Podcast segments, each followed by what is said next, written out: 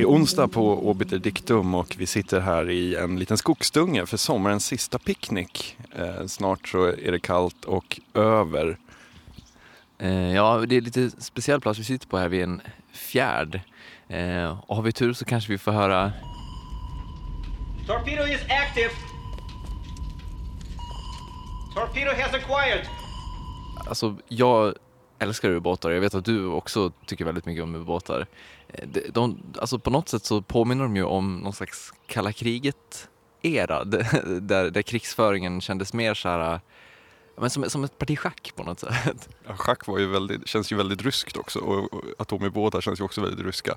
Vi har ju Jakten på Röd Oktober som är kanske den film jag har sett flest gånger i mitt liv faktiskt.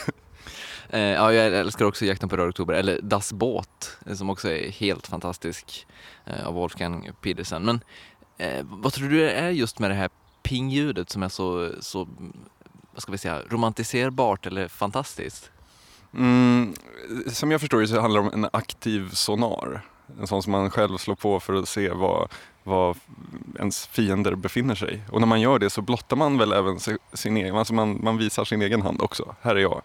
Uh, så, så det är inte så, ja, man, man satsar allt på ett kort när man gör det. Har jag fått liksom, har jag inbillat mig i alla fall. Verify our range to target. One ping only. I get it. I'll be damned. One ping only. Eh, ja, och alltså jag gillar också hela den här lite så här lo-fi aspekten av det hela. Alltså det här med att, eh, att det finns en viss fördröjning i, i, i, det här, eh, i den här representationen av, av havsbottnen eller havsmiljön som är utanför. Alltså det är inte så att du ser i realtid hur någonting närmar sig utan du ser liksom bara sakta hur någonting rör sig och så får du liksom försöka tolka det själv på något sätt. Och sen att man inte har någon visuell eh, syn. Att det är liksom det enda som, enda som avslöjar att någonting finns där ute är just det här pinget. Och är det inte så också att det blir en väldigt fin resonans i ubåtsskrovet när man hör det? Att det liksom bara mullrar så här ungefär så.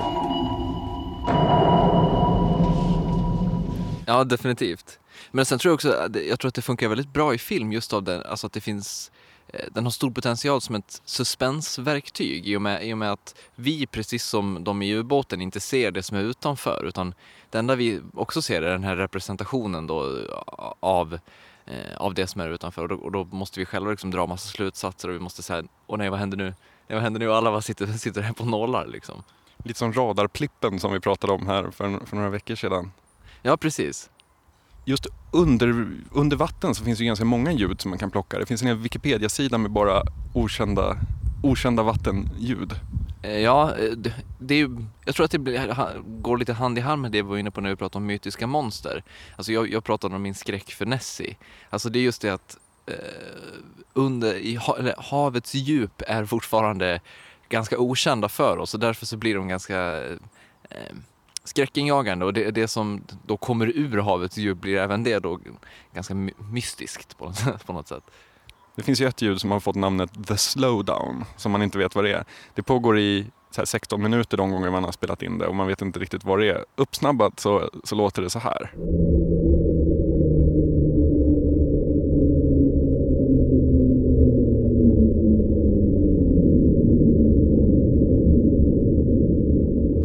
Och det där är väl verkligen ett fruktat ljud?